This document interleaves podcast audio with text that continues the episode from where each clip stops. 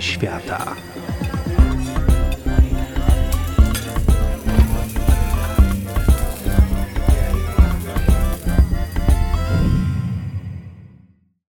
Dzień dobry. Dzisiaj porozmawiamy o kuchni indyjskiej, a właściwie o przyprawie, która w tej kuchni indyjskiej jest niemal nieodzowna. Tak zwana garam masala. Trzeba zacząć od tego, że masala to y, termin, który w ogóle opisuje mieszankę różnych ziół albo przypraw. Najbardziej znane masale to curry, tak, curry to jest właśnie masala, ale też garam masala, punch masala, także masala chai, czyli aromatyczna mieszanka używana do przygotowania herbat. Oczywiście są też potrawy, na przykład chicken tikka masala, czyli um, kurczak z potrawą tikka. Więc porozmawiamy dzisiaj o tym, jak to w ogóle w tej kuchni indyjskiej jest z przyprawami, ale też co to w ogóle jest kuchnia indyjska.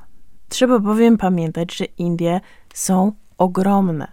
Do tego stopnia, że mowa nawet czasem o subkontynencie indyjskim. Więc z uwagi na bardzo takie zróżnicowanie ym, tego subkontynentu, pojęcie kuchnia indyjska to jest bardzo nieprecyzyjny termin. Zasadniczy podział wyróżnia kuchnię południa i północy Indii. I to jest związane głównie z inną religią i z odrębnością etniczną południa. Tam ym, w użyciu są nieindoeuropejskie języki, karnacje mieszkańców są trochę ciemniejsze, a dominujące wyznanie stanowi hinduizm. Ale jeśli przyjrzelibyśmy się kuchni, to właściwie można podzielić na cztery podstawowe kuchnie indyjskie, zlokalizowane tak jak cztery strony świata. Zachodnia kuchnia Indii to przede wszystkim kuchnia bombajska. I do najbardziej znanych potraw tej kuchni należą kaczka po bombajsku albo bombajska hałwa. Bombaj jest portem morskim, więc ma charakter bardzo kosmopolityczny i to się oczywiście odbija w kuchni. Tam też, w tamtej części Indii, w, w zachodniej części Indii, jest kuchnia Goa, która różni się od kuchni bombajskiej, Oczywiście zachowuje te smakowe walory specyficzne dla kuchni zachodniej Indii, ale tam jednak jest większy wpływ portugalskich katolików, którzy osiedlili się na Goa w XVI-XVII wieku. Więc również ich przyzwyczajenia kulinarne odbijają się w kuchni Goa. Potem mamy kuchnię północną. I kuchnia północna to jest e, kuchnia, na którą największy wpływ e, wywarł islam, ale to też jest ta kuchnia, którą najczęściej jemy w naszych restauracjach tak zwanych indyjskich. E, te przyzwyczajenia kulinarne sprawiły, że raczej nie ma tam wieprzowiny, potrawy są nieco łagodniejsze i powszechnie stosuje się kurczaka. Czyli większość restauracji indyjskich w Polsce to są właśnie kulinarnia z północy Indii, gdzie też przeważa uprawa pszenicy. I stąd podstawowym po pożywieniem są tam podpłomyki, chlebki, ciapati, tak zwane nany. Wypalane w takim dużym glinianym piecu, który nazywa się tandor. I stąd też szereg różnych przystawek tandori, które właśnie są y, albo właśnie plackami, albo takimi pieczonymi rzeczami przygotowywanymi w tym piecu. Potem mamy kuchnię wschodu. To jest kuchnia tak zwana bengalska. I tam popularne są ryż, soczewica i ryby. To jest kuchnia, która oferuje dużo mniejsze zestawy niż inne mm, kuchnie Indii.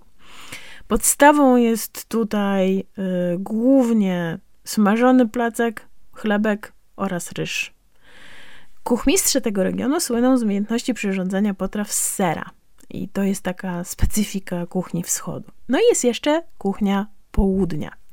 Wskutek religijnego zakazu spożywania wołowiny, bo jak wiemy, krowa jest święta w hinduizmie, pojawiła się tam doskonała kuchnia wegetariańska. Posiłki są dużo ostrzejsze i spożywa się je palcami najlepiej prawej dłoni, bo lewa ręka uważana jest za nieczystą. I nawet McDonald's musiał się przystosować do specyfiki tej kuchni, dzięki czemu w ofercie McDonalda y, na południu Indii jest dużo więcej potraw wegetariańskich.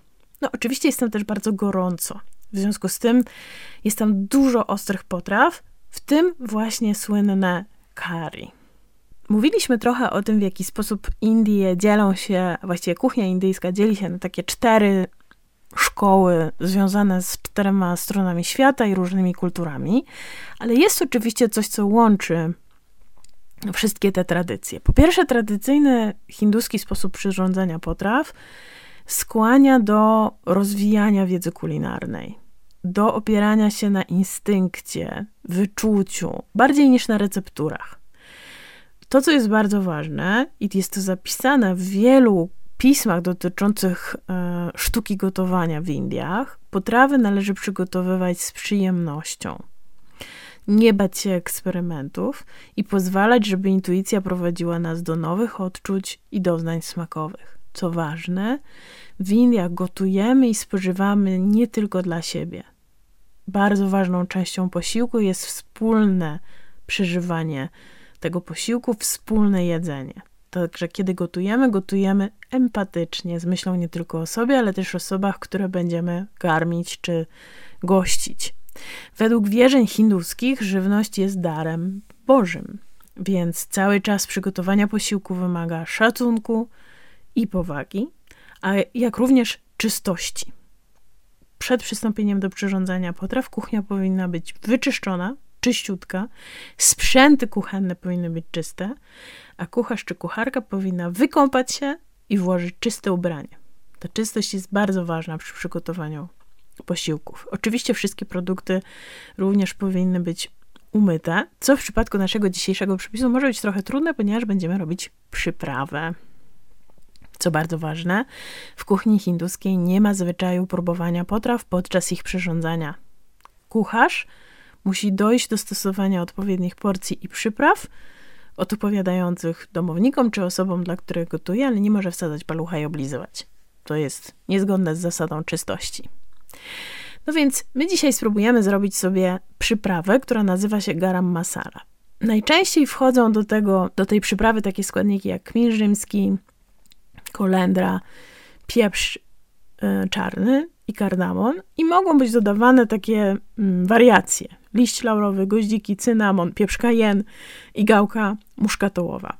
To, co jest bardzo ważne, y, to to, że przyprawy zawsze praży się przed podaniem, a dopiero potem sprażone drobno się miele. Ważne, y, w przepisach takich mm, bardzo tradycyjnych przyprawy miele się, y, przyprawy praży się osobno. Nie można wymieszać ich na patelni i uprażyć. Czego będziemy potrzebować do garam masali? Potrzebujemy liści laurowych, mniej więcej dwóch, trzech, cztery łyżeczki ziarenek kolendry, jedną łyżeczkę kminu rzymskiego, jedną łyżeczkę pieprzu, też w ziarenkach, kmin rzymski w ziarenkach, jedną łyżeczkę goździków, jedną łyżeczkę cynamonu, jedną łyżeczkę suszonego imbiru i jedną łyżeczkę świeżo startej gałki muszkatołowej. Jeśli chcecie zachowywać się jak prawdziwy kucharz lub kucharka z tamtych regionów świata, to oczywiście każdą z tych przypraw osobno prażycie delikatnie na patelni, oprócz gałki muszkatołowej. Gałki muszkatołowej nie prażymy. Możecie to zrobić osobno. Leniwe gospodynie oraz leniwi gospodarze i ja, e, ponieważ wchodzę w skład tego zaszczytnego zespołu leniwych kucharzy, kucharek, mieszam wszystkie te przyprawy i prażę je razem. Oczywiście bez gałki muszkatołowej. Jak podprażymy te wszystkie przyprawy, to je wrzucamy do młynka do kawy, albo jeśli chcemy bardziej tradycyjnie się zachować, to do, e, do moździerza. Można też zachować się zupełnie tradycyjnie i wrzucić je do blendera i po prostu robię z nich proszek. Po podprażeniu dodaję też gałkę muszkatową, to ważne, bo jej nie prażymy. I proszek gotowy, zamykamy w słoiczku i możemy używać do licznych przepisów, zarówno na kurczaka, na wołowinę, na warzywa. Są nawet przepisy na tofu, chociaż jest ono z zupełnie innej części świata, z masalą. Życzę Wam smacznego.